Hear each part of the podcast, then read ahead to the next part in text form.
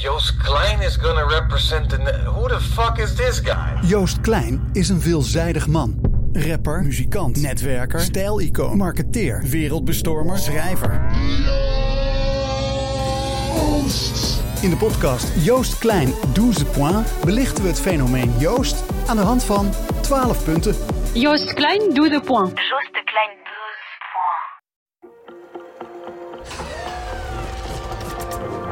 Dit is een podcast van de Leeuwarden Courant en Founded in Friesland. Ondernemen, innovaties, duurzaam, creatief, ontwikkelen en ambitie.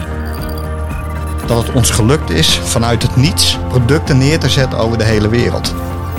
Dit is een podcast over het start-up klimaat in Friesland. Welkom bij de vijfde aflevering alweer van Boven het Maaiveld. In deze editie hoor je alles over de reis van Friese start-ups naar een internationaal succesvolle scale-up en uiteindelijk ook een exit. Wat kan een jonge start-up zoals Jobbers leren van een gevestigde naam als App Machine?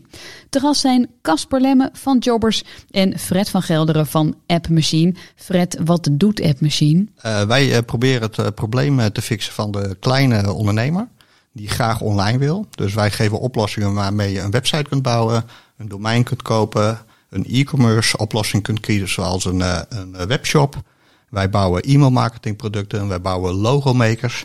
Dus wij bouwen, proberen eigenlijk het hele palet te geven aan de ondernemer die zonder een bureau in te schakelen zelf online Ja, wil. ik moet denken aan Lego-steentjes. Ja, zelfs de analogie van de, de native app die wij, waar wij mee begonnen zijn in 2011, is helemaal gebouwd in de analogie van Lego.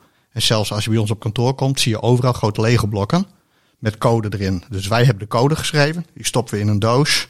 En die doos kan de ondernemer pakken en daarmee de functionaliteit uitpakken die hij nodig heeft om online te gaan. Ja. Jaren geleden bedachten jullie, nou, dat zou zomaar eens een goede oplossing kunnen zijn. Jij spreekt ook in de we-vorm. Wie Ja. is we? We is uh, een team nu van uh, ongeveer 50 mensen.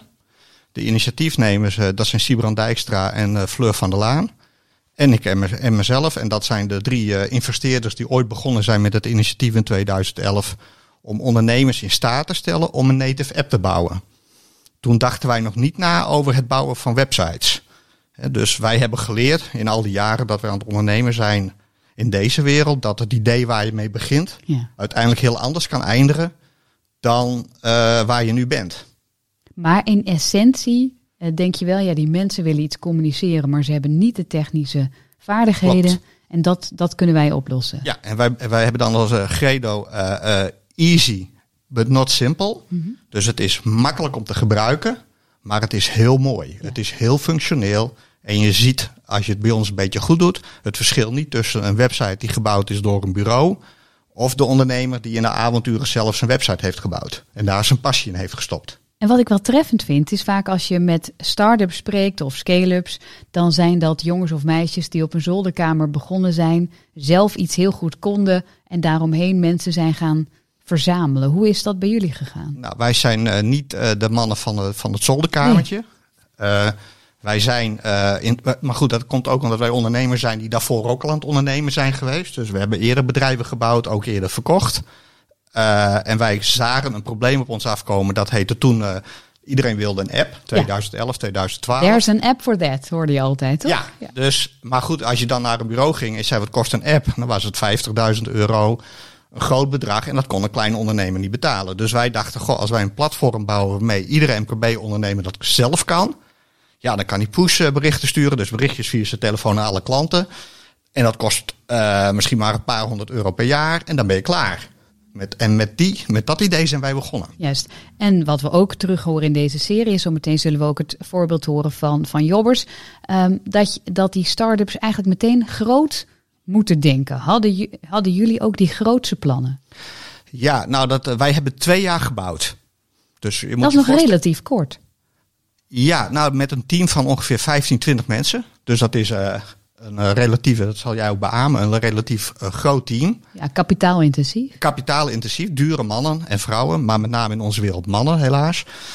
Uh, en toen wij na twee jaar klaar waren, zijn we de markt opgegaan. En toen hadden wij wel als idee, dit, dit, is veel te groot voor Nederland alleen. Dus wij moeten de wereld over, willen we uiteindelijk eh, eh, een, eh, een omzet genereren, revenue genereren die de kosten weer gaat terugverdienen, maar met name die waarde gaat creëren voor de onderneming als totaal. En een van de eh, eh, prettige bijkomstigheden van dit alles, want we hoorden hè, kapitaalintensief, was dat jullie al kapitaal hadden opgebouwd uit Ja. andere bedrijven. Dat klopt. Ja, Dus dat was ja. het geluk wat wij hadden, is dat wij eh, grotendeels op bijna alles zelf konden betalen. Dat is ook wel wat wij in Amerika weer geleerd hebben. is een mooie les voor alle jonge ondernemers. Is dat wij waren er trots op dat wij dat met eigen geld hadden gedaan. Toen wij in Amerika aankwamen, gingen mensen ons uitleggen dat dat heel dom was. Because you build your dream and you don't build your product. So you, you better do it with other people's money. So you invest your own money in nice things. Ja. En je gebruikt het geld van anderen om je product te bouwen. Wij waren blij dat wij altijd het met eigen geld hebben gedaan. Dat wij nooit investeerders achter ons hadden staan die ons duwden om iets te gaan doen. Het risico is dat als het fout gaat, dan ben je alles kwijt. Had je het met de kennis van nu weer zo gedaan of had je dan toch eh, naar de Amerikanen geluisterd? Nee, wij zijn nog steeds eh, blij dat we het zo gedaan hebben zoals het gedaan is. Maar ik weet ook hoe het geëindigd is. Wij, wij nog zeggen ook wel eens, we zijn naar het casino gegaan. En uiteindelijk zijn we op rood geëindigd. En bij ons viel je op rood. Dus als je me nu weer vraagt, ga je het weer doen? En misschien kan ik over drie maanden daar wat meer over vertellen. Maar dan zullen we het waarschijnlijk doen, of gaan doen, ook met steun van anderen. Oké.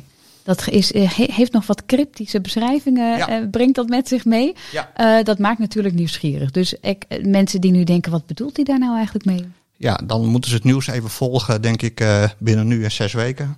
Maar gaat dat ook over App Machine? Ja, dat gaat zeker over App Machine. Ja. Want we hebben begrepen, jullie hebben, eh, om in de woorden van jouw compaan Siebrand te spreken, de hoofdprijs gewonnen. Eh, we gaan zo naar ons tweede bedrijf Ja. door, Casper. Dus die staat mooi geïnteresseerd te luisteren. Maar eh, hoe is het gegaan? Jullie hebben het twee jaar gebouwd. Jullie zijn de wereld ingegaan. Jullie kwamen in Amerika. En toen? Nou, wij zijn in eh, 2013 dus live gegaan. Wij zijn in 2013 gaan reizen. Eh, wij, zijn, wij met de Next Web, de mensen die in de technologie sector werken, die kennen dat. Dat is een, eh, een platform waar heel veel mensen bij elkaar komen. Die hadden toen nog de Next Web Events. Ja. En wij zijn met hun de wereld overgetrokken. We zijn naar Brazilië gegaan, we zijn met hun naar New York gegaan. Ja. En zo hebben wij de eerste stappen in de hele grote buitenwereld gezet. Schets mij eventjes de situaties waar je in belandde en waar je al van hebt geleerd. Eh, Want even dus, waar, waar zijn jullie... eh, eh, wij zijn begonnen in São Paulo. ja, maar eventjes, waar pakte je je koffer in? Je woont in Goutum. Ja, ja dat, is, eh, nou, dat is letterlijk in Goutum de koffer pakken. Eh, samen, eh, ik reed met de auto naar een collega in Makkum die ook meer ging. En wij gingen met z'n vier in het vliegtuig. Alle vier nog nooit in Brazilië geweest. En zo zijn wij daar begonnen op een event. En hadden toevallig of niet toevallig, je komt altijd tegen op je pad wat je uiteindelijk ook nodig hebt. een, een Nederlander gevonden die in Brazilië woonde en werkte. En zo hadden wij daar ook iemand die ons daar kon vertegenwoordigen. En zo zijn wij de Braziliaanse markt opgegaan. Want het grote voordeel van ons product is, het is online.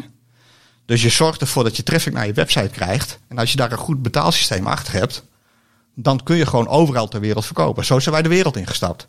Later hebben we geleerd dat het, het openen van het winkeltje wat ingewikkelder is dan eh, zeggen, nou we zijn er en eh, kom maar naar me toe. Want ieder land heeft daar weer eigen... Wij wisten niet hoe complex de Braziliaanse wetgeving was. Dat hebben we allemaal achteraf geleerd. Hadden we het vooraf geweten, waren we er misschien nooit naartoe gegaan. Nee. Maar omdat we dat niet wisten, gingen wij er gewoon heen. En dus, als we, want we extraheren volgens mij per minuut een, een les als het gaat Ja. over internationaal succes. En dus zeg jij, wees ook in die zin aangenaam naïef, want anders dan zou je geen avontuur meer aangaan. Nee, want je moet gewoon ook dingen maar even bewust negeren. En denken, ja, ik begin klein, dus niemand interesseert het wat je doet. En als je groot wordt, omdat je een groot succes wordt, dan kun je altijd daarna alles gaan regelen zoals je zou moeten regelen. Ja. Maar even eerlijk, want je even nog die situatie in Goutum. eh, stond je dan voor de spiegel ook een beetje te oefenen? Hi, my name is Fred. I'm from App Machine. It's wonderful. Nee, dat nee, maar wat wij wel hebben gedaan is dat we wel heel eh, steeds eh, ook met iemand die heel goed was in hoe schrijf je een pitch en hoe vertel je je verhaal met de pitch elevator techniek wel geleerd hadden om in twee minuten je verhaal te vertellen wat we daar kwamen doen. ja. Wij kwamen daar de jongens van Adyen tegen. Nou, wie, op dat moment was Adyen nog maar een hele kleine speler in de wereld. En nu is Adyen ja, het voorbeeld van een groot Nederlands succes. Maar wij hebben ook gezien hoe de jongens ook in Brazilië Ja. begonnen. Je trainde met Ronaldo, zo moeten we het bekijken. Ja, achteraf eh, wel. Dat Ja. wisten we van elkaar niet. Nee, wij gaan zo nog verder horen hoe dat zich heeft ontwikkeld en ook welke lessen je hebt geleerd. Het aardige is, eh, naast jou staat Casper en jullie kennen elkaar al een tijdje, hebben elkaar ook vaker gesproken. Dus eigenlijk wat we in deze podcast gaan doen is ook een, nou, eh, fragmenten van die gesprekken ophalen en daar de lessen uithalen. Casper, hoe leg jij uit wat jullie doen met jobbers? Ehm, nou, ik vind het wel mooi, want ik sta weer te genieten van Fred's verhaal, zeg maar. Ik heb hem nu al eh, meerdere keren gehoord. Ehm, maar ook wat Fred zegt, zeg maar, je begint ergens mee. En eh, ik heb naast de studie heb ik gewerkt in het buitenland, in eh Lorette Mar in Spanje. En daar ervaar ik hoe het is om in een nieuwe omgeving te gaan werken, zeg maar. En daar nieuwe culturen te ontmoeten. Dus we zaten daar met een heel team aan mensen die elkaar nog niet kennen. En eigenlijk na dat seizoen, ja, daar had je vriendschappen voor het leven gemaakt. En jij gunt dat iedereen. En dat is het nou precies wat wij elke dag met heel veel passie doen. We hebben een team met mensen die zelf dat hebben gedaan, zeg maar. Dus die zelf ergens in het buitenland hebben gewerkt, gewoond. Dus die ervaring met anderen willen delen. En daar hebben we inmiddels drie platformen voor. In Frankrijk, eh, Duitsland, België en Nederland. Daar zijn we nu actief en we hebben zo'n 100.000 eh, in- inschrijvingen. En eh, elke week solliciteren er zo'n 700 mensen. Dus ja, dat is super gaaf om te zien. En als ik dan hoor hoe Fred er ook over praat, zeg maar. Ja, wij zijn ook begonnen vanuit de, aan de keukentafel. Dus eh, niet de zolderkamer, maar de keukentafel. Maar wel vanuit de schoolbanken, samen met mijn compagnon Raymond Wobbema. En ja, dan bouw je een bedrijf. En in het begin dachten we, nou, we doen dat door vacatures bij elkaar te brengen. En dan werkzoekenden maar naar de website te brengen. Maar je begint met helemaal niks. Dus je hebt ook geen marketingbudget. Nee. Dus je begint helemaal vanaf scratch. En hoe dat dan verandert over de jaren heen, zeg maar. En uiteindelijk eh, nou ja, bouw je iets uit tot een groot bedrijf. Eh, ja, en heb je klanten als Louis Vuitton, eh, H&M, Google, zag ik. Google-projecten waar we mensen op, op ja, helpen. Wie was dan de launching customer? Hoe heb je die aan boord gekregen? Nou, ja, we zijn begonnen met de seizoensbaantjes. Dus eh, in Lorette Mar, eh, eigenlijk waar ik zelf ooit ben begonnen. Dat was eigenlijk, eh, ja, bumpers. Oh, ja, bumpers ja, bumpers. ze nu. Ja. En dat doen we nog steeds. eh, ja, doen we Fred lacht, want die is DJ geweest, dus die weet wat dat allemaal betekent. Mensen de tijd. krijgen, toch? Ja. Het proppen Ja. eh, in de bediening. Ja, die baantjes. Ehm, en wat we eigenlijk zien, die banen bieden we nog steeds aan. Eh, en zie je dat die mensen uiteindelijk ook een groot gedeelte daarvan later ook nog een keertje voor een langere periode naar het buitenland gaan. Want ze, hebben, ze, ze weten wat hospitality is, ze weten wat service is, ze weten wat contact maken is. En dus kun je ook iemand helpen aan een service desk of... Het is een mooi verlengstukje, maar Ja. het is vooral ook dus het, het internationale mindset. Op het moment dat je in een internationale omgeving werkt en je komt mensen uit Brazilië tegen over de hele wereld, dan ontdek je zelf ook als mens zijnde van hey, eigenlijk, we kijken soms anders tegen dingen aan in het leven. Maar dat komt ook omdat mensen op een heel ander werelddeel zijn opgegroeid en daardoor ook hele andere normen en waarden hebben. Dus wij, je ziet ook dat de scoop, de horizon van mensen, zeg maar, die verbreedt. Ja. En die kennis die ze uiteindelijk opdoen, ja, dat nemen ze ook weer mee terug naar Nederland. Daar inspireren ze ook weer broertjes en zusjes om, eh, om hetzelfde te doen. Dus, eh, Als je dan nog kijkt, want dat vond ik wel fascinerend, eh, naar die functies, is dat je dan Nederlandstalig een, een servicebaan hebt, dus mensen helpt, eh, in Berlijn of in Budapest of, of waar ook maar. Kun je een beetje uitleggen hoe die wereld eruit ziet voor mensen die nu luisteren en net als ik geen idee hebben? zeker. Ik denk dat we, soms zitten wij daar nog zelfs steeds in de ontdekking van wat er allemaal mogelijk is. Ja, Uh, maar je moet denken bijvoorbeeld uh, Zalando in Berlijn, uh, die een internationaal kantoor heeft, waar allemaal internationale mensen aan het werk zijn om die markt te bedienen. Maar ook bijvoorbeeld in Ierland zitten heel veel techreuzen, Amazon, PayPal, allemaal bedrijven waar je hele gave carrière kan bouwen. En daar hebben ze ook Nederlandstalige absoluut, of Engelstalige absoluut. mensen. En Duitsers en Fransen. Ja. we hebben een klant in Athene zitten, die, ja. ja. die hebben 37 verschillende talen. Uh, waar de telefoon wordt opgepakt op een project van Apple. Dus dat is echt ja, giga. Ja, om, om daar een beetje een beeld bij te krijgen. Want dan is, dan is het lastig te vatten wat jullie allemaal matchen. Um, ja, het, het, is, het gaat echt letterlijk. We hebben een boomhutbouwer vacature gehad in bakkers in België, horecaportiers in Oostenrijk, tot echt de baantjes inderdaad bij PayPal en Google. Ja. Uh, zolang het maar over de landsgrens is. En dat is denk ik uiteindelijk onze kracht, zeg maar. Wij focussen alleen op dat stukje waar we goed in zijn. En dat is echt mensen helpen van A naar Z. En ja, daar komt nogal wat bij kijken. Want het, ik zeg wel eens, het is niet van Leeuwarden naar Sneek. Uh, verhuizen voor je werk. Nee, mensen gaan wel echt Ehm, nou naar een vreemde stad waar ze nog niet weten hoe het allemaal in elkaar zit. Dus eh pa en ma brengen ze weg naar Schiphol, koffertje mee. Ja, wij kennen dat gevoel dat je nou ja, dat, dat vliegtuig staat te wachten en denkt, waar ben ik in godsnaam Ja. aan begonnen? Waarom En, wilde ik dit eh, ook alweer? Wie ken ik daar Ja. en eh, waarom doe ik dit inderdaad? Ja. Maar dan uiteindelijk na de eerste paar weken, en als je daar doorheen bent, dan, eh, ja, dan wil je niet meer anders. En dan verandert je het leven en dan ga je zo anders tegen dingen aankijken. En is het dan vooral, want j- jullie zijn matchmaking en, en die zoekfuncties die werken goed. Ik heb er doorheen gescrolld. Eh, is het dan vooral dat het een, een eh, voelt als een techbedrijf? Of is het veel meer toch een, eh, een dienst waarin je heel persoonlijk met die jongeren mee op pad gaat? Want het maakt nogal uit ook voor je pitch in die lift natuurlijk. Absoluut. Ik denk dat wij de verbindende factor proberen te zijn met ons, met ons platform. Dus meer de community kant. Eh, de Ik, ik, ik voel me een jobber. Ik ben in. Hè? Ja, dat is ook. We, we hebben echt recent die rebranding ook achter de rug. En dat is ook in- ingestoken om veel meer. We waren eerst in de verschillende landen onder verschillende namen. Nou ja, dat, we zijn ooit begonnen met grenzeloos werk. Ik denk een mooi voorbeeldje waar wij het op, op de parkeerplaats over hadden.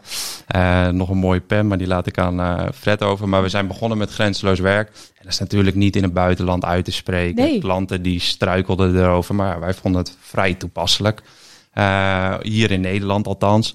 Dus al gauw besloten om ons werkgeversplatform anders te noemen. Toen de tijd Dutch Employees. Want ja, we dachten, dan zijn we goed vindbaar in Google. Ja. En dan komen die werkgevers allemaal bij ons. Ja, en dan ga je Duitsland in. En dan ja, zorgt het allemaal voor geen verwarring. internationale taal? Ja. Nee, en hebben we gezegd, nou nu moeten we het in één keer goed doen. Eh, want we kunnen niet blijven veranderen van naam. En zo is Jobbers geboren. Mooi. En, En ja. zomet- zometeen ook ben benieuwd wat Fred ook, wat voor, eh, wat voor lessen er al te leren zijn. Nog even de setting, hoeveel mensen werken er bij jullie? En ik heb begrepen eh, dat dat van Heerenveen nu in Leeuwarden eh, gevestigd is. ja, we zijn, we zijn in Leeuwarden gestart. Dus, oh, dat eh, was het, ja. Ja, ja, dat Ja, waren jullie. We zitten nog steeds in, in. Leeuwarden aan het Zuiderplein. En we zijn inmiddels met zo'n 40 eh, fanatiekelingen. En dat komt allemaal uit verschillende landen. Dus Duitsland, Frankrijk, verschillende nationaliteiten in Leeuwarden. We hadden een kantoor in Valencia. Recent ge- geopend, vlak voordat corona insloeg. Eh, dus ja, daar hebben we helaas weer de deuren moeten sluiten. Eh, en alle focus echt op Leeuwarden. Want ja, we hebben wel een pittig jaartje achter, Achter de rug. Ja, Ja. want hoe- dus mensen zullen dat zich afvragen. Dan zit je in een stijgende lijn. Op welke schaal bevonden jullie als je kijkt naar start-up, scale-up, verdere ontwikkeling? En hoe Ja. is dat nu? Ja, we zaten in de start-up fase waarin we eigenlijk ieder jaar aan het verdubbelen waren. En eigenlijk eh, nou ja, een jaar actief waren op de Duitse markt. En ik weet nog dat we het erover hadden. Het vond plaats in China. En toen kregen we eigenlijk al van, nou, spannend, spannend. Toen kwam het naar Italië. En in Italië doen we heel veel seizoenswerk op campings, animatieteams. Dus dan zaten we al een klein beetje van, oeh, dit kan wel eens eh, vervelend gaan worden. En toen ging het eigenlijk heel snel in één keer door heel Europa heen. Vliegtuigen werden naar de grond gehaald. Ja, en dan zie je je omzet met 95% eh instorten. Ja, en dan zit je wel eventjes met elkaar van oké, eh, ieder jaar verdubbelden we. Nu zien we in één keer de inkomsten bijna opdrogen. Ja, want we hoorden net over hè, hoe financier je bedrijf. Hoe is dat in jullie geval en hoe zorg je er nou voor dat je toch kunt eh, blijven doorbouwen? Ja, we zijn, mijn compagnon en ik zijn samen begonnen toen we nog aan de NHL aan het studeren waren. Dus dat geeft natuurlijk een stukje vrijheid. Je bent nog aan het studeren. We konden gelukkig ook afstuderen. En eigenlijk tijdens eh, de projecten die we op school draaiden, eh, kwamen we in contact met Lutze Zelstra en eh Laurens Stoek. En die zijn toen aan boord gestapt, zeg maar, als onze investeerders. En eh, die hebben geholpen om ons kantoortje te geven aan het Zuiderplein. En daar zijn we inmiddels drie keer verhuisd. Eh, en hopelijk hebben we nu groot genoeg ruimte om te blijven zitten voorlopig. Ook met het stukje dat nu veel mensen remote voor ons eh, aan het werk zijn. En we toch zien dat kantoor meer een ontmoetingplek gaat worden. En wel belangrijke vergaderingen of mooie momenten samen zeg maar, op kantoor te creëren. Maar ook het stukje remote zeker niet bij eh, jobbers weg te denken. En qua financiering en positie, ehm, wat voor vragen zou je voorleggen aan Fred? Hè? Als je nu luistert naar zijn verhaal en je, je kijkt naar jullie verhaal. Ehm, nou, wij zijn nu, doordat we de rebranding ook achter de rug hebben, beginnen we op een fase te komen dat we eh, sneller internationaal kunnen gaan schalen. En ja, daar ga je op een gegeven moment ook kijken naar nieuwe financieringsmogelijkheden om dat eh, op te gaan zetten. En eh, nou ja, Fred heeft zeker in Silicon Valley volgens mij de nodige partijen gesproken, zeg maar. En wat waren dan dingen waar jullie echt voornamelijk als compagnons naar uitkeken, zeg maar? Van wat was voor jullie heel belangrijk om die partij te vinden eh, die jullie verder ging helpen? Ja, nou, eh, wij hadden dan eh, het geluk dat wij niet direct op zoek waren naar geld. Maar op het moment dat wij naar Amerika gingen, werden wij wel door heel veel clubs benaderd die wel zagen wat wij aan het doen waren en interesse toonden om mee te gaan doen. Eh, en Maar dat, dat voorwerk is dus eigenlijk al gebeurd omdat je heel goed in een netwerk zat mensen jullie al kennen. ja, maar in, ja, maar dat is met name, eh, eh, was dat toch het Nederlandse netwerk. Ja. En als je groot internationaal wil, dan kun je dat ook in een Nederlands netwerk doen. Maar wij hebben toen bewust, want even nog terug, wij gingen naar Brazilië. Ja. Wij kregen Japanners op bezoek, wij kregen Duitsers op bezoek, wij kregen allemaal internationaliteiten op bezoek. En op een gegeven moment dachten we van ja, maar het is allemaal zo eh, versplinterd. Eh, en wij begrijpen eh, Japanners niet. En die begrijpen ons niet. Dus dat waren drie leuke dagen, maar uiteindelijk geen transactie. Nee. En wij waren in ons hoofd al zover dat wij het in het eh, allemaal zouden gaan vertalen. En zeg maar van links naar rechts gingen programmeren en van rechts naar links. Het was- Eigenlijk zeg je, je bent gauw geneigd je te voegen naar dat wat op je pad komt of wat je overkomt. Ja, want in het begin ben je heel erg eh, eh, enthousiast. En dan moet je ook vooral blijven. Maar je wordt ook heel enthousiast van alle mensen die dan interesse in je tonen. En wij hebben dat ook wel genoemd door eh beursgekte. Op een beurs is iedereen enthousiast over je. En, maar daarna komt het eraan dat je als je op van een beurs afkomt, dat dan ook de mensen komen. En dat de, het enthousiasme van de beurs niet weg hebt. En wij hebben toen bewust gezegd, wij, wij gaan helemaal niet meer naar de vreemde talenlanden. Dus wij vonden Duitsland al ingewikkeld. Want Duitsland is gewoon heel anders dan Nederland. We hebben met Duitsers samengewerkt. Dat was wel leuk, maar dat werkte voor ons niet goed uit. En wij hebben gezegd, wij gaan gewoon de, de oceaan over. En we gaan in eh, Amerika, dat is zo'n grote markt. Daar zit eh, veel meer eh, IT. Daar zitten veel meer investeerders. En Amerikanen denken ook anders. Want als we in Nederland iets vertelden, vroegen ze altijd... en hoeveel omzet maak je en hoeveel winst? Ja. Wij dachten helemaal niet aan winst. Wij dachten aan groei. Ja. Hè, En dat heb ik ook Bouwen. met Casper wel. En eh, bouwen. En het, het, eh, je bent niet geïnteresseerd aan het bedrag onderaan de streep. Je bent geïnteresseerd in de cash die je overhoudt om weer de volgende stap te doen. Juist. En Amerikanen kijken daar. Een growth mindset. En- Ja, en die, die zijn gewend om te investeren. En die accepteren ook dat niet iedere investering lukt. En een failure is eh, een learning. En een learning brengt je weer naar de volgende fase. Dat is wat ik in Nederland ook steeds zeg. Van, nou, ervaring moet je opdoen. Ga, maak je een fout. Jammer. En dan ga je weer verder. Ja. Hoe luister je naar, de- naar deze les al?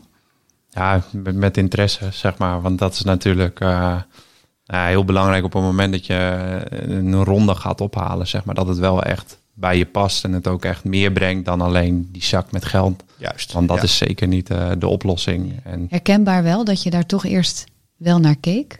Ehm, nee, niet per se dat ik daar naar keek, maar wel de ervaring doordat je met verschillende angels gaat praten en venture capitals. En dan kom je toch wel heel snel achter dat het een ander, ander wereldje is, zeg maar, waar het heel snel al draait om nou ja, de exit en waar ga je naartoe en welk punt.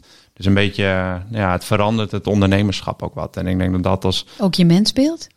Ehm, in zekere zin, ja, het is denk ik de grote, de grote mensenwereld uiteindelijk, zeg maar. Waar het ergens om draait. En, en ja, je moet op een gegeven moment aanvoelen van wil je die stap, denk ik, zetten. En voor ons is, ja, we hebben iets heel moois neergebouwd. En ik denk dat we eh, hele goede mensen eromheen hebben verzameld. Waardoor we eigenlijk met ja, goede mensen om je heen kom je al heel ver. En dan is, zijn er eigenlijk heel veel andere alternatieven als je eventueel geld wil ophalen die ook mogelijk zijn. En als je dan kijkt naar eh, de kansen die jullie willen pakken, dan, dan nou ja, die growth mindset, dan moet je ook weten wat voor stappen je wilt gaan zetten. Welke stappen zijn dat? Bij ons is die momenteel nu eventjes zorgen dat we het fundament eh, na de rebranding weer goed neerzetten. Eh, we hadden gehoopt dat we al iets sneller weer op gang waren gekomen, zeg maar, in het nieuwe jaar. Maar toch stroef met vaccineren, eh, aantal landen waar het nog flink spijkte, waar wij net een heleboel mensen eh, altijd naartoe brengen. Dus daardoor. eh, Want ik heb begrepen dat er zo'n 15 tot 20 matches per dag werden gemaakt of nu worden gemaakt. Ja, we, zitten, we hebben ongeveer 700 sollicitaties per week. En daaruit komen zo'n 20, 25 Ja. mensen die ook echt daadwerkelijk aan een baan starten in het Ja. buitenland. En dat is nu in coronatijd Dat is nu, zit dat rond de 10, 15. Ja, ja, ja. En we hebben altijd in de zomer hebben we een piek, dus bouwen we op. En eigenlijk vlak voor de kerstdagen ja, daalt het weer, want mensen blijven dan toch nog liever eventjes tot januari in Nederland. En daarna willen ze wel weer vertrekken naar het, eh, Ja. naar het buitenland. Fred, in de gesprekken die jullie eerder met elkaar hebben gehad, wat viel jou op aan eh, jobbers en ook eh, zeg maar hoe eh, Casper en zijn collega's dat aanpakken? Hun passie. En eh, gewoon eh, toch het, eh, het mooie beeld van jonge studenten die met een idee beginnen en gewoon met dat idee losgaan. En denken in kansen en niet denken van, nou ja, wat kan er allemaal gebeuren. Ik weet nog dat wij voor de coronatijd elkaar voor het eerst ontmoeten. Hè? En, en groei en ambitie. En, eh, en nou, dat vind ik het knap als ik dan later hoor. En ik heb, spreek ze weer dat ze door de coronatijd, ook terwijl je eigenlijk als jong ondernemer alleen maar gewend bent aan eh, 100% plus plus. Hè? En iedereen geeft je een schouderklopje omdat je zo'n succes bent. De gemeente Leeuwarden eh loopt steeds te, te promoten van eh, eh, grensloos werk. En dat je dan toch, eh, hè, dat, dat eh, is dan ook blijkbaar de kwaliteit van het groepje ondernemers wat daar zit. Dat die helemaal in staat zijn eh, terug te gaan tot eh, de basis. En we gaan, eh, ja, we moeten resetten. Ja, want Casper, je had wel de verantwoordelijkheid al over medewerkers. Ja, zeker. Zeker. Dus, eh, en we hadden net geïnvesteerd om, om die groei weer te gaan maken. Dus ja, dat was voor ons vrij snel schakelen om inderdaad binnen anderhalve week en in één keer al die mensen thuis te laten werken. Mhm. Nou hebben we daar geluk dat de techniek daarin meehelpt, zeg maar. Eh, maar dan moet je ook naar je businessmodel gaan kijken. En je hebt, we hadden toen totaal geen uitzicht wanneer ook maar weer de vliegtuigen omhoog zouden gaan. Wanneer bedrijven eh, weer mensen die kant op konden halen. En wat we eigenlijk zagen aan het begin van de crisis was dat het voornamelijk eh, aan werkzoekende kant zeg maar heel erg was van oh, wat, Ja. wat gebeurt er nu? En dat de werkgevers nog waren van nee, kom maar, want die, die moesten nog allemaal hun plannen en hun aanpassingen doorvoeren. Daar eh, waren ze nog helemaal niet aan toegekomen. We hadden een klant in Portugal, die hebben 13.000 medewerkers. Nou, ga die maar eens eventjes allemaal remote laten werken. Dus dat was een hele operatie. En eigenlijk gaandeweg dat de mensen wat meer aan corona gewend raakten, zag je bedrijven die hun hele strategie omgooiden. Dus die in één keer allemaal zeiden, ja, we mogen met niemand meer samenwerken om te staffen. We gaan het allemaal zelf doen en we nemen niemand aan. En ja, dan houdt het voor ons snel op. Ja. Wat heb je op dat vlak ook geleerd van internationaal ondernemen? Want daar, daar worden natuurlijk eh, eh, dagelijks colleges en webinars en sessies aan gewijd. Hè? Hoe leer je die andere culturen kennen? Ik kan me wel voorstellen dat de leercurve erg stijl was in de afgelopen maanden. Ik denk dat onze grootste les was eh, om, om met mensen in contact te blijven. Zowel aan werkgeverskant als werkzoekenden. Dus we hadden op een gegeven moment geen mogelijkheid meer om te plaatsen. Maar we hadden ook een heleboel mensen die via ons recent in het buitenland waren gestart. En daar hadden we ook een verantwoordelijkheid voor om die mensen wel te helpen. Want sommigen konden niet terugkomen naar huis. Anderen zaten in een appartement in hun eentje en moesten alleen met een briefje konden ze boodschappen doen. Zo. Terwijl eh, de politie op straat eh, marcheerde. Dus dat is, ja, dat doet ook wat met die mensen. Dus wij hebben eigenlijk vrij snel gezegd van oké, laten we onze recruitment teams eh omtunen en als een soort luisterend oor bieden, zeg maar, voor iedereen die het nodig heeft, zowel binnen als buitenland. Echt weer die menselijke warme kant. Die je, ja, ja. Ja. Ja, en ook aan klantkant zag je dat dat ehm, ook enorm werd gewaardeerd dat wij dat voor hun werknemers uiteindelijk deden. En dat zorgde ook dat toen we wat verder in de crisis waren, eigenlijk ook vrij snel wij wel weer de aanvragen kregen toegestuurd, zeg maar. Omdat ze, ja, je hebt ook de gunfactor, omdat ze niet zijn vergeten dat je er toen wel stond. Terwijl een heleboel mensen, partijen zag je verdwijnen. eh Wat- wat- voor les heb je nog geleerd als het gaat om die verschillende culturen? Hè? Want ja, het thema is ook internationaal succes. Ja, dan moet je weten hoe de hazen lopen, hoe je eh, verschillend communiceert. Eh, is dat behoorlijk Europees en wereldwijd? Of moet je toch iedere keer, als je dat contact zoekt, als je die telefoon pakt, denken: waar ben ik ook alweer naartoe en hoe zijn die mensen? Ja, dat, die cultuurverschillen zijn enorm. Fred noemde net Duitsland. Nou, we hebben een Duits team in Leeuwarden zitten. Ja, daarin alleen al intern in, in zo'n team bij ons zie je al grote cultuurverschillen. Maar bij op klantniveau zie je dat voorbeeld? helemaal. Ehm, dat je bijvoorbeeld ziet dat wij toch als Nederlanders wat langer blijven discussiëren over de maatregelen, de mondkapjes. Terwijl je in een Portugal of Spanje zag je dat de mensen volgden dat gewoon op. Oké, als jullie zeggen dat wij dat moeten doen, Ja, dan gaan we dat doen. Want wij willen met z'n allen zo snel mogelijk uit deze situatie zijn.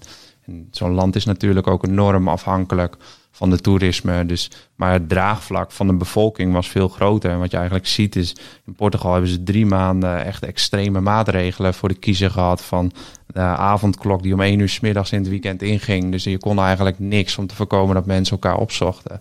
Maar daar is nu volgens mij al een week geen doden gevallen. Uh, alles is weer open tot 11 uur s avonds. Dus ze zijn nu wel op een punt dat ze echt ja, het he- fantastisch onder controle hebben, zeg Ja. maar. En daarin zie je gewoon een cultuurverschil. En wij in Nederland blijven zo lang wa- wachten en discussiëren. En we hebben allemaal een mening erover. Ja, ik noem het geen goed of fout. Alleen dat is duidelijk per land dat je daar echt een groot verschil Ja. in ziet. En Frankrijk en Duitsland eigenlijk hetzelfde. Ook veel gehoorzamer eh, ja, dan wij misschien een rebelse Nederlanders met elkaar zijn. Het kan niet anders dan dat je dat ook persoonlijk vormt. Dat je eigenlijk per situatie misschien wel een andere filter, een andere lens even voorzet. Ja, daar hou je wel rekening mee. Ik denk eh, niet altijd bewust, zeg maar, met elk telefoontje wat je naar het buitenland doet. Maar we weten wel, oké, we zitten met deze klant in Griekenland om tafel. Ja, van het verleden weten we dat we wel andere dingen kunnen verwachten dan als wij met de klant uit Ierland om tafel zitten. Ja. Fred, wat eh, zijn daarbij jouw geleerde lessen? Eh, dat wij Nederlanders eh, heel erg direct zijn. En dat, dat heb je zelf niet door, omdat je bent op- opgegroeid in de cultuur eh, waarin je leeft. Maar zeker in Amerika, eh, maar ook eh, in, in Brazilië, maar ook op andere plekken van de wereld, is men eh, toch bedachtzamer. Nou, Eh, jij, jij lijkt mij wel van het trio, of in ieder geval het mannelijke duo, Ja. wel de meest bedachtzame. Ja, dat is wel zo. Maar ook ik ben eh, in mijn communicatie eh, vrij direct. En dan vind ik het zelf gewoon dat ik objectief feiten breng of dingen zeg. Terwijl met name ook Amerikanen, die zijn veel politer, beleefder. Als je in een... ja, wij leefden al in de, in de Hangout. Hè, dat is de, dan de Zoom van, van Ja. Google. Hè. Eh, maar dan waren wij gewend, als wij iets niet goed vonden, dan zeiden we: Hey Casper, eh, was een bad job. Hè? En, maar dan, dan die Amerikaanse programmeurs die keken ons dan van, eh, hè, wat gebeurt hier? En dan kregen we achteraf kritiek dat wij iemand in de groep hadden aangesproken op zijn Ja. werk wat hij gedaan. En dat is not done. Terwijl wij dat in Nederland gewoon heel normaal Maar vinden. het kan het is inderdaad vooral dus als je als start-up scale-up kan het veel kapot maken als je op die Ja. manier wel je goede mensen en die zijn schaars dat je die dan je tegen Ja. je in het harnas jaagt. Ja, en ook eh, hè, wij hebben dan eh, de, het support voor onze producten wordt gedaan in de, in de, de lage lonenlanden. En ja, die mensen, eh, ook bij COVID hebben gezien dat die, hè, iedereen zei altijd support moet altijd bij elkaar zitten en dat kan niet bij elkaar vandaan. Nou, dat kan dus blijkbaar heel goed, want dat is allemaal gelukt. Hè. Dat, ook bij ons in de organisatie wereldwijd is dat allemaal gebeurd. Maar ja, dan hoor je mensen die gewoon ja, in een klein kamertje, wat bij ons een slaapkamer is, dan leven ze dan met een gezin. Ja. En dan moet er ook nog gewerkt worden. Dus ik ben het heel met je eens. De Nederlanders die blijven maar discussiëren over alle maatregelen. Maar je moet misschien, hè, nou, als je internationaal werkt, zie je ook andere culturen, andere omgevingen waar mensen op een hele andere manier leven en tevreden zijn met wat ze hebben. En wij zijn gewoon, vind ik, met alle respect, soms een beetje verwend. Spoiled. Ja, Ja, spoiled, spoiled. verwende mensen die Ja. klagen over elke maatregel die de regering wel neemt. En als ze hem wel nemen, klagen we. Als ze hem niet nemen, klagen we ook. En ik weet het antwoord van COVID ook niet. Het is nooit goed bij ons. Nee, maar wat ik wel weet, en dat zie ik ook aan de mensen, die willen allemaal heel graag naar buiten. Hè, want wij zijn al sinds eh, 15 maart vorig jaar dicht. Eh, het werk gaat prima door. Alleen wat wij missen is het, het vieren van een succes. Het opstarten of beëindigen van een project met een groep. Maar qua werk gaat het prima. En ja, en onze mensen die, die hangen er ook gewoon in. En die accepteren zoals het is. Ja. Wat kunnen wij dan meebrengen aan die eh, Friese nuchterheid of andere eigenschappen die bijdragen aan internationaal succes? Hoe is dat bij jullie gegaan, Fred? Ja, ik weet niet of dat onze Friese nuchterheid is. Want wat wij gedaan hebben is natuurlijk wat anders dan eh Friese nuchterheid. Jullie hebben 40% van de aandelen eh, destijds. Hè? Misschien nog even goed om. Ja, om ja. Ja kijk, want ook, ook wij zagen toen wij... Wij hebben natuurlijk twee jaar geprogrammeerd. Daarna zijn we nog twee jaar bezig geweest om de markt eh, op te gaan. ja, kon ik En eh, toen dachten we ook, ja, als we nu echt groot willen worden... dan moet je er weer geld in stoppen. Dus wij hebben wel gesproken met kapitaalsverschaffers. En wij hebben het geluk gehad, of we hebben het afgedwongen... dat er een beursgenoteerd bedrijf waar wij nog nooit van gehoord hadden... We wisten niet eens waar Burlington lag. Dat bleek een klein plaatsje boven Boston te zijn. Die ons benaderd heeft van willen jullie eh, een keer komen praten. En dat zou telefonisch. En dan moet ik uh, Sibrand alle credits geven. Die zei, wat telefonisch? We gaan er gewoon heen. Want wij waren in San Francisco. We zeiden, vliegen wel even over Boston terug. Uh, de, de, mooiste anekdote is dat wij, Sibrand Fleur en ik, in het Hilton een hotelkamer hebben gehuurd. Betaald voor, ik geloof, 600 dollar. Om alleen maar even een douche te doen van een half uur. En toen zijn we in de Uber gestapt en naar, naar Burlington gereden. En met ons enthousiasme en omdat wij een product hadden wat werkte. Dus we didn't sell a promise, we did sell a product. Werden zij enthousiast van die gekke Friesen uh, uit Nederland. Want die hadden het wel, en dat is misschien dus wel een punt. Jullie, jullie uh, hadden geen firma gebakken lucht, maar het werkte al. En dat... Het werkte, wij hadden tractie, wij hadden klanten. En wat wij goed gedaan hebben achteraf, is dat wij niet vanuit Nederland zijn blijven werken. Wij zijn naar San Francisco gegaan, hebben via het netwerk in Amsterdam iemand gevonden die in zo'n contact bracht met een zeeuw. Die woonde oh. in uh, Silicon Valley. En Marco. En die heeft ons geholpen om uh, in Amerika te landen. Ja, want je kunt zeggen, ik ga naar Amerika toe. Ja, en, ja, dan, wat, en wat dan? Ja, ja. Amerika is zo groot, dat is hetzelfde. Ik ga landen in Europa. Ja, dat, dat, hè, dat zijn de, de, de, de maten waar je in moet denken. Je hebt die pionnetjes nodig. Je, die, die, hoe is dat bij jullie uh, nu? Want ik, ik hoor je nog, ik weet niet of dat redelijk traditioneel is. Hè? Je gaat naar een land, je, je hebt daar een platform. Hoe zou je het nu beschrijven en wat leer je hier ook uit? Nou, ook bij ons in het begin hadden we, hadden we geen budget om, om te reizen. En was het gewoon mailen, bellen en zoveel mogelijk klanten proberen binnen te halen. Maar in landen zoals Spanje is het juist zo goed dat je je gezicht laat zien, zeg maar. Want daar doen ze zaken met de persoon. Ja. En uiteindelijk niet, zeg maar, uh, met het praatje. Dat kan nog zo gelikt zijn. Maar ze willen je gewoon zien. Ze willen met je uit eten. En daarna bepalen ze eigenlijk van, uh, oké, ja, dit gaat wel wat worden. Dit zit wel goed. Dus... In wat voor situaties ben jij beland? Misschien niet het Hilton Hotel, maar wel kun je beschrijven in, in verschillende delen van de wereld waar je dan zat en hoe dat dan ging? Um, nou ja, wij we hebben heel veel uh, klanten zitten in, in de zuidelijke landen. Dus denk aan uh, Griekenland, uh, denk aan Spanje, denk aan Portugal. Dus die kanten op.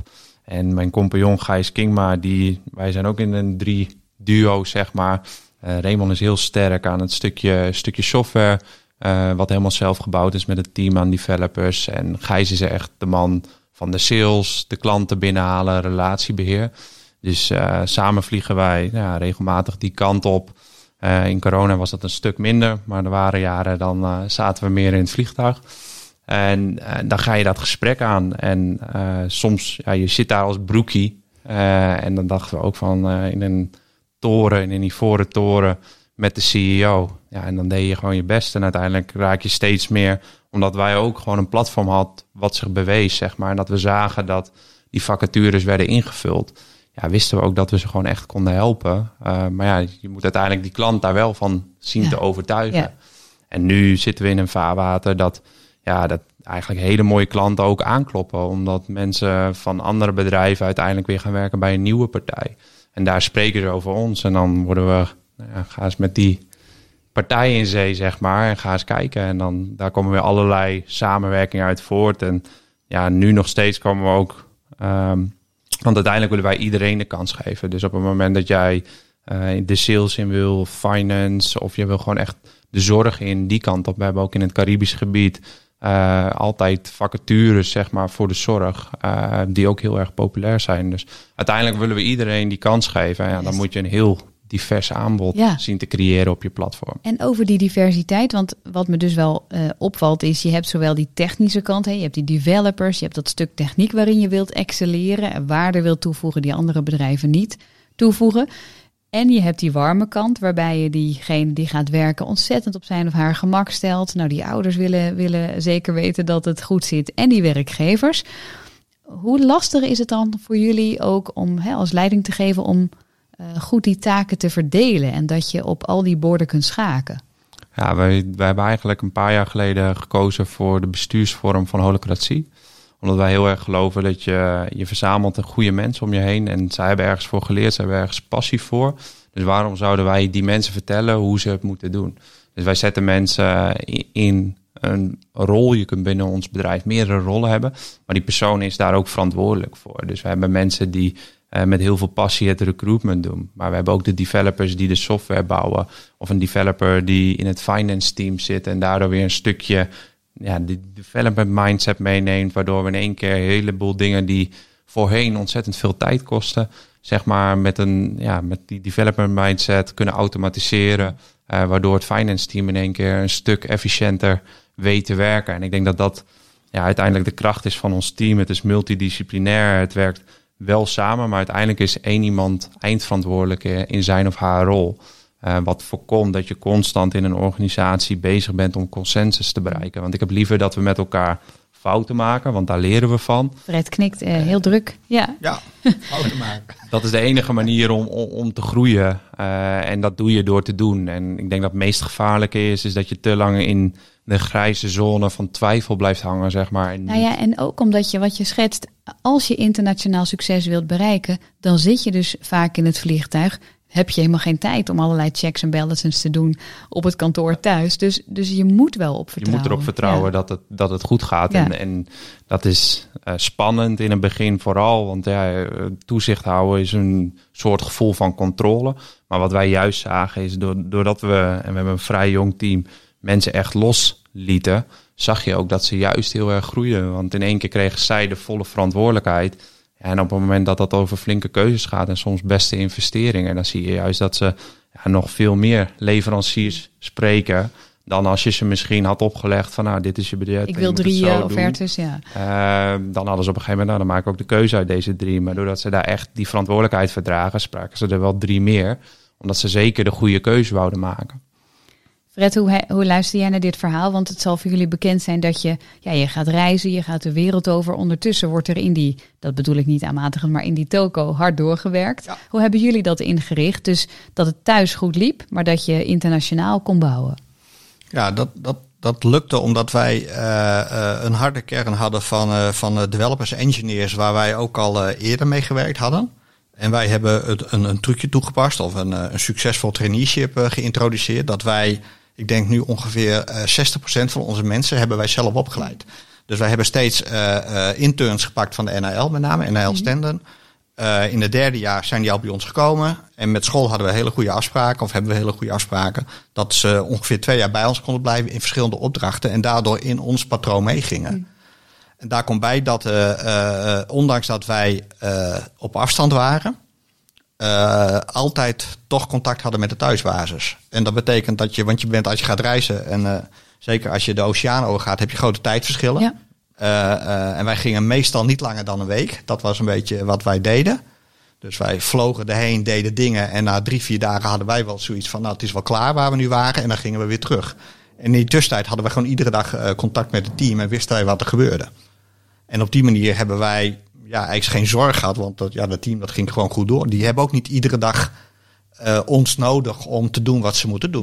Nee. Wat ik wel heb begrepen is dat je goed, als je internationale ambities hebt, dat je dat team goed meeneemt in wat zijn we van plan. Want Ja. anders, oh ja, die is ergens op reis, maar waar is hij of zij dan? Wat, wat kun je eh, daarover vertellen? Ja, nou wij hebben, wij hebben, wij hebben altijd nog ehm, eh, heel traditioneel de vrijdagmiddagborrel. Ja, Zelfs in coronatijd. Maar zeker toen wij net begonnen, was het gewoon iedere vrijdagmiddag om half vijf bieren bitterballen. Ja, traditioneler kan het niet. Maar dan vertelden we wel van jongens, eh, we hebben dit gebouwd. Dat ging dan over de softwarematige kant. We hebben met die en die klanten gesproken. En over drie weken gaan wij naar eh, de Next Web in, eh, in New York. En dan willen we dit product tonen. Ja. Dus wij, wij, wij zijn heel goed geweest. We doen onze demo sprints. Hè, want jij, jij weet het ook, denk van software engineers. Het product is nooit af. sprints. Hè? Dus wij hadden dan eh, de sprints en dan, en dan moest het voor de demo klaar. En dan was het soms s'nachts nog dat het gebeurde. En dan sliepen wij eh, in New York. Maar dan stond het er de volgende dag. En als we dan terugkwamen, dan deden we altijd weer een grote sessie. Waarin wij vertelden van wat we beleefd hadden. Welke contacten we hadden gelegd. En zo was iedereen. Ja, wij, ja ik, ik heb altijd gezegd, ik schrijf een spannend jongensboek. En dat vind ik echt wat App Machine was. En ik zeg ook steeds, ieder jaar is het hoofdstuk anders geëindigd dan wij aan het begin van het jaar dachten. Dat is nog steeds zo. Eh, en dat moet je leuk vinden. En dat, ik denk dat jij dat heel erg zult herkennen. En daar namen wij onze mensen in mee. Dus dat vinden ze ook ja, heel leuk. Ja, en dus is dat internationale succes ook van hen.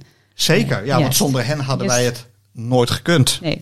Hoe, doe, hoe doen jullie dat, Casper? Hoe neem je mensen mee en zorg je dus ook dat die, die internationale mindset bij iedereen zo is? Ja, dat zou automatisch gaan als je internationaal eh, eh, diensten aanbiedt. Maar Ja, met zo'n jonge club hadden we ook aardig wat eh, borrels met, eh, met lekkere barbecues. eh, en tegenwoordig doen wij dat met het Beer Moment, eh, digitaal. En dat is, ja, dat is ook een plek waar we met elkaar praten, waar we mensen in de zon zetten. Omdat we weten van ah, die hebben deze week mooie prestaties neergezet. Maar ook fuck-ups met elkaar delen van ah, dingetjes die even minder goed zijn gegaan, maar waar we wel weer van leren. Juist door ze ook aan te moedigen om dat te delen, zeg maar, voor de organisatie. Maar ook wel eens eh, nieuws wat minder leuk is delen. En ja, dat heb je in corona, heb je dat ook met elkaar. En ik denk dat het dan heel belangrijk is om goed met elkaar te blijven communiceren van waar staan we jongens en, en waarom is het zo belangrijk dat we met z'n allen nu de schouders eronder zetten. Want wij hebben nou, enorm veel gevraagd van onze mensen, want situaties veranderen af en toe per week bij ons. Dus de ene keer schoten we naar links en dan vroegen we een week later om in één keer volledig de andere richting in te gaan, omdat ja, daar veranderingen waren en dat vraagt heel veel. dat kan mensen ook mensen. murf maken natuurlijk. Ja, ja. en dat, nou, maar als je mensen daarin meeneemt en ook uitlegt waarom het gebeurt, dan krijgen ze ook meer die achtergrondinformatie mee. Dus ik denk dat dat heel belangrijk is om, om je mensen daarin mee te nemen, zodat we ook en hun ook de stem te geven, zeg maar, om met ideeën te komen. Want uiteindelijk zijn zij degene die elke dag met de mensen spreken, daar feedback van krijgen, de gebruikers eh, en juist die waardevolle kennis hebben, zeg maar. Aan de randen, zeg maar, vind je juist daar waar het nog beter kan. En eh, je, je zei van ook zo'n beer moment en dat je dingen met elkaar deelt. Ik dacht nog even aan dat team Duitsers en dacht ook aan iemand die je kent uit Amerika die elke dag aan haar kinderen vraagt: How is it to be you today, honey? Die verschillen zijn behoorlijk groot. Hè? Dus hoe zorg je ervoor dat iedereen zich ook thuis voelt bij die cultuur? Ja, we, we doen altijd ehm, ehm, eigenlijk ook wat. Nou ja, we hebben gewoon eh, een quiz die we ook altijd doen, zeg maar. Daar doen we ook wel die verschillende cultuurverschillen juist uitlichten, zeg Kijk, maar, op ja. een grappige manier. Zodat je ook weet van, hé, ja, wacht even, dat is inderdaad ook wel een beetje typerend voor de Franse collega's, zeg maar. Dus ook om daar een grapje en een grolletje met elkaar over te hebben. Of de Duitse humor. Ja, dat vinden de Duitse collega's. Die vinden zich soms heel grappig, zeg maar. En dan zeggen wij Nederlands, oh ja, de Duitse humor komt weer om de hoek kijken. maar daar wordt op een leuke manier wordt daar over gegrapt. En, eh, met Je mag bijna gedaan. wel een, een chief culture eh, officer hebben als je het zo, zo Z- hoort. Zeker, Ja, zeker. Dat ja. zijn jullie Ja, eigenlijk. Maar ik denk ook echt wel dat we een aantal chiefs daar hebben lopen in de organisaties. Die daar de verantwoordelijkheid voor dragen. En ook met elkaar zorgen dat we dat bewaken. Want ik denk dat dat uiteindelijk op het moment dat je bedrijf zo groeit. En we gaan nu richting, richting de 40. eh, en helemaal als het steeds meer remote gaat worden. Is het een hele uitdaging dat je die cultuur ook Precies. juist blijft bijhouden. Want Ja. dat is de reden waarom mensen bij je werken, zeg Ja. maar. En dat wil je koesteren met elkaar. Cultuursensitief, heb ik eh, wel eens begrepen, eh, noemen ze dat ook. Als we nog kijken naar de timeline van AppMachine. Eh, want wij hebben inmiddels al wat koffers uitgepakt hier en daar, Fred. Maar we gaan even naar die welbekende hoofdprijs. Hoe is dat in zijn werk gegaan en waar staan jullie nu? Ja, hoe is dat in zijn werk gegaan? Uit- uiteindelijk, eh, dat reisje naar eh, Burlington, Boston, eh, resulteerde in dat zij eh 40% van ons bedrijf kochten. En toen werden wij in één keer een onderdeeltje van een groot internationaal beursgenoteerd Amerikaans bedrijf. Nog even de naam, als mensen... Dat was, toen heette dat Endurance, dat heet nu Newfold. Een, een bedrijf wat wereldwijd acteert, eh, behalve in Europa. Dus als je onze mensen vraagt, wat vind je het meest jammeren? Is dat wij niet meer actief zijn in de lokale markt. Als je mensen vraagt, wat doet AppMachine? Dan zullen de meesten het niet weten. Nee, ik, ik eh, vroeg ook even om me heen en mensen zeiden, ja, het is een beetje stil eh, daarom. Ja, ja, ja. maar wij doen fantastische dingen. Alleen eh, die fantastische dingen die worden verkocht in Amerika of in Zuid-Amerika of in Azië, maar niet in Europa. Amerika, onze Amerikanen zijn niet geïnteresseerd in Europa. Vraag me niet waarom, maar dat vinden ze te complex. Eh, allemaal talen, allemaal verschillende wet en regelgeving. Eh, betaalsystemen zijn anders, dus allemaal ingewikkeldheid. En dat is het voordeel als je naar Amerika gaat. Hè, dat hebben wij ook gedaan. We hebben eh, een payment provider, een betaalsysteem eronder gezet. En dat doet het gewoon in elke staat. Zo simpel. Ja. En als je in Frankrijk wat wil gaan verkopen, ja, andere wetgeving. Ja, wij hebben ja. één Franse medewerkster voor Amerika op de loonlijst. Zo anders, zo ingewikkeld. Ja. Ja, dat wens je je ergste tegenstander niet toe. Men- wij, mensen die nu zitten te luisteren en die toch een plan hadden binnen Europa, die Nee, gaan nee, ze maar nog dat tien keer maar goed, bedenken. dat, dat zeg ik steeds. Het Ja. is onze ervaring. Ja. Eh, je hoeft er niks mee te doen. het is maar net in wat voor dienst of product Precies, je zit, maar er het is zit een ja. hele groot verschil tussen de, de, de, de dienst en, en, de- ja. en de manier waarop eh, Casper en zijn collega's dat aanbieden en wat Ja. wij doen. Wij hebben puur een, als je het heel plat slaat, een website met allemaal producten. En waar je ook bent, als je de domeinnaam maar weet, dan kun je het bij ons kopen. Ja. Dat is wat anders dan mensen met elkaar in contact brengen. Dus ik heb ook wel eens tegen Casper gezegd, joh, maak die software nog, nog mooier. Dat je al die contactmomenten even vanuit een schaalbaar principe veel meer technologie maakt. Want de computer weet straks precies welke persoon bij welke match hoort. Je bedoelt eigenlijk zou het Gebruik je data veel meer. Ja. En haal, hè, want wij hebben gezegd, schaalbaar is alleen maar iets waar je steeds minder handen aan hoeft te doen. Want als je steeds groeit en je moet steeds meer handen doen, ja, dan, dan loop je tegen een barrière aan. Ik zie aan de reactie dat jullie die les al ter harte hebben genomen. Dat er hard aan wordt gewerkt. Vertel Ja, eens. dat, dat, dat klopt zeker. Dat is, dat is namelijk de gedachte ook inderdaad met de community. Want met ons team zijn we natuurlijk tot een zekere zin in staat om mensen te inspireren om de wereld te gaan ontdekken. Maar uiteindelijk als je de mensen die het al aan het doen zijn een stem gaat geven, zeg maar. Dus de community het werk gaat laten doen.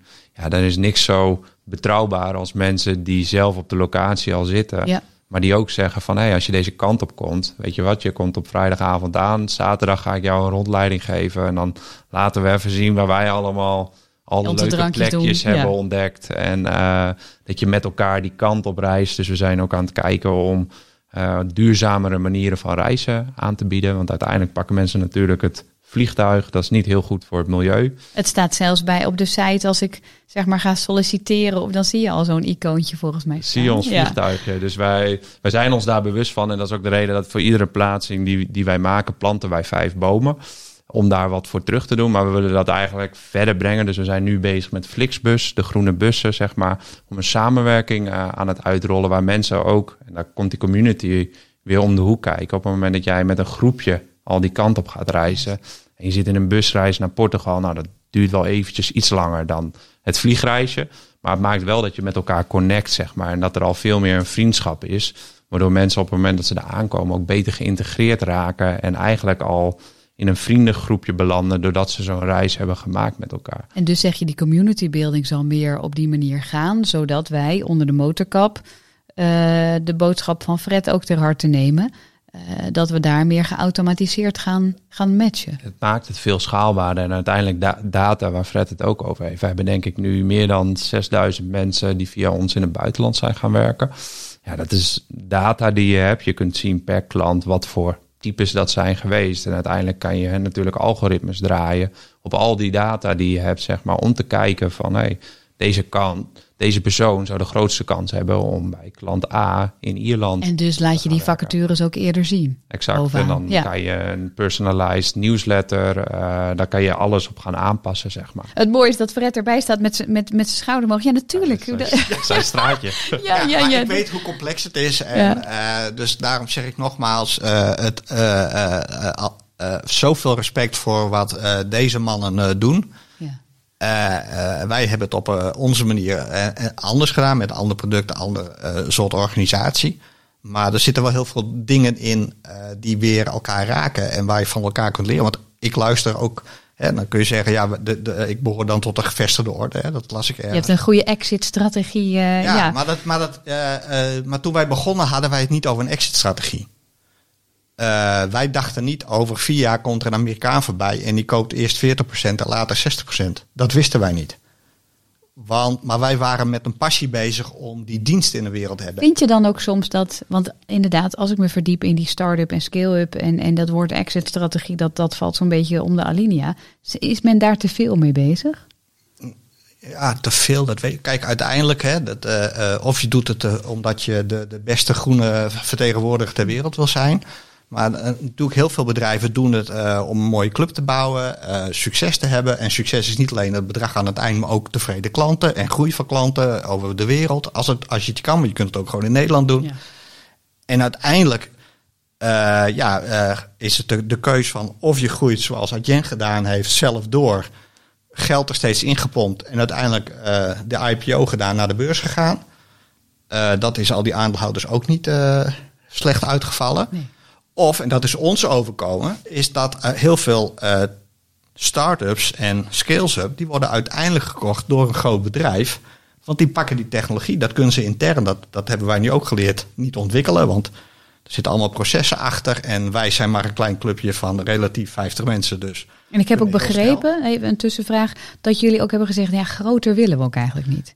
Nee, want dat, dat, eh, dat is ook lastig. Want als je veel groter wordt, dan moet je weer een, een bestuurslaag of een andere managementlaag erin brengen. En ja, wij zijn zo direct betrokken bij het geheel. Ik heb een, een eh, goede vriend van mij, Gerrit Baarda van Ziers, Ja. ook een bekende vriendondernemer. Ja. En die heeft op een gegeven moment heel knap gezegd: Hé hey Fred, ik zet er een manager tussen. En dat vind ik zo knap van hem. En die zegt: Ik ga gewoon als aandeelhouder, bestuurder eh, strategie doen. En ik heb iemand anders die dat ook met mij bedenkt, maar die doet ook alle andere dingen. Nou, dat moet je kunnen. En daar zit nog gewoon een heel simpel wetgevingstechnisch ding achter waar de Amerikanen niet tegen kunnen. Dat heet ondernemingsraad. Ook zo'n Nederlandse uitvinding. Dus ja, je kunt er alles van Ja, vinden. ja, ja. Maar je kunt de Amerikanen niet uitleggen dat medewerkers gaan meedenken over de arbeidsvoorwaarden die je hebt. Nee, Dat past slecht bij ze. ja. Cultuurverschillen. ja. Het cultuurverschil. Wat vind jij leerzaam aan, die, aan dat getal van 50? Want jullie zitten ook een beetje op, op die wip. Ja, je raakt dan wel. Je moet waken, zeg maar, dat het niet een, een te gemanaged verhaal gaat worden. En dan gaat het ondernemen er ook af. Ik denk niet dat het uit te sluiten valt op een gegeven moment bij een bepaalde groei. Eh, maar het is ook hoe je je organisatie op een gegeven moment gaat indelen. Nog even over die ambities, want eh, we pakken even de wereldkaart erbij. Eh, we zetten dan een, een kantoor in Leeuwarden. Daar werken nou, tientallen mensen. eh, over de hele wereld zitten daar wat, wat poppetjes verspreid. Wat voor vlaggetjes wil jij de komende jaren zetten? Welke doelen wil je nastreven? Ja, ons doel is in ieder geval om met jobbers nu eh, de komende jaren hopen we naar landen toe te gaan waar echt behoefte is aan een platform als dat van jobbers. Dus waar echt mensen die ambitie hebben om in het buitenland te gaan werken. Welke landen zijn? Eh, bijvoorbeeld waar wij merken dat een heleboel mensen zitten die, die toch op een of andere manier ook op onze jobbersplatformen terechtkomen, is Italië. Er zijn een heleboel mensen die daar over de landsgrenzen kijken eh, om ervaring op te doen en dat uiteindelijk ook weer mee terug te nemen naar Italië. Toch ook eens bij die mama vandaan willen als ik het, Oh ja, toch? precies. En, en, en, ehm, maar ook natuurlijk een land wat, ja, wat ook moeilijkheden heeft gehad, zeg maar. En ook gewoon mensen die van de universiteit afkomen, die gewoon geen werk kunnen vinden. Nee. Terwijl eh, in de Randstad heb je de booking.coms, die staan allemaal te springen om Italianen, zeg maar. En ehm, dus ik denk dat Italië een markt is die zeker op ons lijstje staat, waar, waar jobbers gewoon echt nou ja, zijn diensten goed kan, kan neerzetten. Maar we merken het steeds meer. En ik denk dat Europa, en dat is ook het geschenk wat wij hebben, wij kunnen volgende week besluiten om in Barcelona te gaan werken. En die, dat, dat is mogelijk. We zitten niet aan een visumtraject. We hebben niet dat we daar drie maanden op moeten wachten en op onze stempeltjes voordat we echt in het buitenland kunnen gaan werken. En dat wordt steeds meer ontdekt. En ik denk aan ons de taak om ook te laten zien wat er allemaal mogelijk is. Ja. Het, het, het grappige is ook, want we, deze podcast gaat ook over het Friese ecosysteem en hoe dingen ook weer terugvloeien. Maar ik sta hier gewoon met twee wereldburgers, met ook wereldverhalen. Dat is mooi om te horen. Wat is er nog in die end eh, typisch Fries? Of wat vloeit er terug in dat Friese ecosysteem? Of wat heb je aan dat Friese ecosysteem? Niks is ook een antwoord, maar er zal vast iets zijn.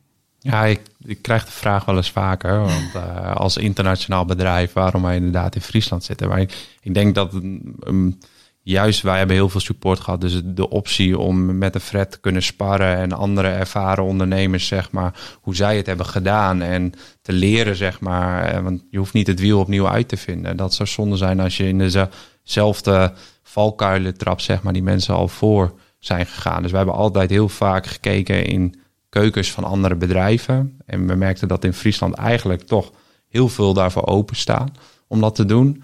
Uh, ze staan niet te schreeuwen van de daken, maar als je ze benadert, dan staan ze er zeker voor open. En gewoon ook ja, de steun vanuit de gemeente. Uh, we staan eigenlijk uh, met regelmaat op de hogeschool waar we kennis delen. Waar ook weer allemaal internationale studenten komen. En toch, als je ons Duitse team vraagt, zitten een heleboel mensen die heel graag... Die zijn hier gekomen vanwege de studie. En die willen dan eigenlijk wel blijven, omdat ze Nederland toch wel relaxed vinden. Iets minder pusherig van. Een bepaald pad wat je moet lopen. En ja, die opties kunnen wij bieden, zeg maar. En ik denk dat als ik kijk naar de vrienden om mij heen en met wie ik studeerde, zie je heel veel mensen wegtrekken naar de stad, naar de grote stad, Amsterdam, Rotterdam, omdat daar meer werkgelegenheid te vinden is. En ik denk dat dat heel zonde is, want Machine, eh, er zijn zoveel mooie bedrijven in het noorden, zeg maar. En ik denk als we iets meer laten weten dat die er zijn, Juist. dat we ook meer talent kunnen binden aan ons. En misschien ook wel weer meer talent terug kunnen halen naar het noorden. Ja. En ook weer mooi een nieuw thuis kunnen zijn voor Duitsers of andere mensen die En hier dan weer. internationale mensen die kant op trekken. Ja. Want uiteindelijk komt bij ons meer dan 95% van onze inkomsten komt uit het buitenland. Maar we hebben de meeste mensen, zeg maar, hebben we in Leeuwarden Ja. zitten of omgeving, Groningen. En wat uiteindelijk hier eh, normaal gesproken uit eten kan en eh, zijn dingetje kan doen naar Yes. het theater. Ja, mooi om te horen. En eh, Fred, als je kijkt nog naar, naar Friesland en, en hoe je in die context eh, opereert, wat heeft het gebracht en wat brengen jullie terug? Ja, want wij hebben eh, weinig met het Friese ecosysteem eh, te maken gehad. Omdat wij eh, ja, misschien wat eigenwijs in ons eigen wereldje zaten. Er zijn ook wel mensen gezegd, wat, wat zijn die gekken aan het doen? En eh, nou, dat kan alleen maar fout gaan. Eh, nou, uiteindelijk hebben wij de internationale contacten gezocht in Amsterdam en omgeving. Omdat daar toch een veel grotere start-up scene is. Waar je net de mensen kent die wel in San Francisco de juiste personen kennen. Eh, maar wij, wij zijn, eh, ook Siebrand en ook ik, eh, zijn geboren en getogen Friese. Ik ben dan geboren Leeuwarden, zeg ik dan altijd erachteraan. Ik heb ook een blauw-geel hart. Ja, dus, precies. sorry. Maar dus eh, dat vinden wij fijn. Wij vinden het fijn om heel close met de NL, NHL Stenden eh, samen te kunnen werken. Daar geven wij ook lezingen en eh, colleges door onze mensen aan de studenten. Dus dat geven we terug. Wij geven eh, studenten de mogelijkheid om bij ons eh, te studeren, af te studeren of aan het werk te raken. En wij hopen dat eh, doordat wij hebben laten zien wat wij hebben meegemaakt, eh, dat anderen ook denken, hé, hey, dat kunnen wij ook. En wij zijn altijd bereid om daar met anderen over te praten. En dat, dat, en dat ik zeg altijd, dat is, eh, eh, daar wil ik ook helemaal niks voor hebben, want het is geen werk, het is eh, mijn hobby. Het, ik vind het leuk om, en als eh, Casper of Raymond er maar één dingetje van oppakt, dan vinden wij het al super. Ja. En dat hopen we uit te stralen. En, en natuurlijk, wij huren een mooie kantoorruimte in Achmea-toren. Dus wij hopen dat, eh, dat de stad daar ook wat eh, beter wordt. Wij brengen Amerikanen eh, binnen. En wij noemen het altijd Klein Amsterdam. En wij hebben in het buitenland ook nooit over Friesland. En dat is misschien een beetje eh, flauw, maar wij zeggen al een one-hour drive from Amsterdam. Want wij hebben het heel erg als Ja. Nederlanders Fries over afstand. Maar wij zien gewoon mensen in Amerika die gewoon iedere dag van Amsterdam naar Leeuwarden rijden voor hun werk. En dat vinden ze heel gewoon. Dat, en als wij, hè, dan, dus als zij zeggen, ja, je landt op Schiphol en dan bij een uur ben je bij ons op kantoor, dat vinden zij heel gewoon. Dus wij, dus wij proberen dat ook helemaal niet zo bijzonder te maken. Het is alleen zo dat de Friese ondernemers wel wat trotser mogen zijn misschien op wat ze brengen en wat ze doen. Nou, daar zijn wel allemaal initiatieven voor, maar ja, dat zit ook een beetje in de genen. Nou, net als bij mij, ik loop ook niet eh, van de daken te schreeuwen wat ik allemaal gedaan heb. Waar ben je? Dat het ons gelukt is vanuit het niets producten neer te zetten over de hele wereld. We hebben een fantastische club van 50 mensen. En dat hebben we met eh, zoveel plezier gedaan. Ik heb zoveel meegemaakt. Dat vind ik bijna nog belangrijker dan het geldbedrag wat wij uiteindelijk aan het eind van de rit eh, gekregen hebben. Hè. Want je zei, Siebrand zei, we hebben de hoofdprijs gekregen. Wij hebben een fantastisch bedrag gekregen. Er zijn ook mensen die hebben gezegd, jullie hebben het vroeg verkocht. Kan ook. Dat weet je nooit. Nee, nee. Maar Nee. ik vind dat geld is leuk en dat maakt het leven aangenamer. Maar als ik denk wat ik in Brazilië, ik, ik heb gezeild eh, in Rio. Ik heb een foto, die bewaar ik nog altijd, dat ik met mijn voeten in een, op een sta. Dat heb ik ooit een keer gewild. Dat is me gelukt. En, en ik denk dat zijn die hele kleine dingen. Tot een taxichauffeur die mij de iPhone terugbrengt die uit mijn broekzak was gevallen. In New York. En dan denk ik, nou al die anekdotes vanaf 2011 tot nu maken dat het gewoon een fantastische reis geweest is. En ik denk als je dat achteraf kunt zeggen, dan heb je het fantastisch goed gedaan. Ja, dat is onbetaalbaar. Ja. En natuurlijk is het aan het eind, hè, want ik zei we hebben alles op rood gezet en rood is gevallen. Als het niet gevallen was, dan had iedereen ons sukkels gevonden. Maar dan hadden ze me die reis nooit, die, die reis heb ik gehouden. Hè, en dat zeg ik ook nu we onderdeel zijn van het hele grote. Dat avontuur is er nog steeds, alleen dat ondernemerschap is er nu uit. Want ja, die Amerikanen die hebben het nu voor het zeggen. Dus dat is misschien de teaser voor. Mooi hoor. Het nieuws dat gekomen. Ja, Ja. mooi. Maar ik vind ook inderdaad dat je, want je zegt ja, op voorhand, we- kletsen al langer dan een uur. Op voorhand zei je, ja, ik treed niet zo vaak op de voorgrond, maar het, het raakt je wel ontzettend als je het erover Ja, hebt. zeker. Want ik ben eh, super trots op wat we bereikt hebben. Ja, en dat hebben we toch maar, eh, en dat doen jullie ook, eh, gewoon als een stel simpele Friesen. Maar ik denk dat jullie, jullie verhalen ook zo mooi laten zien, zeg maar. En dat is ook voor de ondernemers die, die hiernaar luisteren... of mensen die de gedachte hebben om voor zichzelf te beginnen... is dat je, je wordt tegenwoordig in de wereld zo verteld, zeg maar... Dat wat de gevaren zijn en dat je niet groots moet denken. Maar juist, denk ik, ondernemers zoals Fred... die laten zien van, ja, denk juist groots. En op het moment dat je groots gaat denken... dan kom je er ook achter dat dat gewoon mogelijk is. We hebben, toen wij startten was het ook alleen maar afwijzing na afwijzing. Ja, waarom we kennen jullie niet? Waarom zouden we met jullie werken? Jullie hebben geen, niet genoeg mensen in die database. Maar juist doordat je gelooft en dat je verder gaat, dan bouw je, bouw je iets op. Ja. En vervolgens ga je de hele wereld over. En dat lukt alleen op het moment dat je durft te dromen, zeg maar, en dat grootste denken. Dat zeg ik, ik heb hier twee Friese wereldburgers voor mijn neus. Ja. ja. Dank voor dit verhaal. Helaas nu afgenomen door corona. ja, we gaan gauw weer reizen. Maar eh, ik had dit verhaal niet willen missen. Dus ontzettend veel eh, dank eh, voor jullie verhaal. Safe travels zodra het weer kan. En een eh, goede ondernemersreis gewenst. Dank voor de uitnodiging. Ja, dank dat we mochten komen. De volgende aflevering zal gaan over de samenwerking tussen publieke organisaties en start-ups in Noord-Nederland. Wat zijn de successen en wat kunnen ze van elkaar leren? Dit is een podcast over het start-up klimaat in Friesland.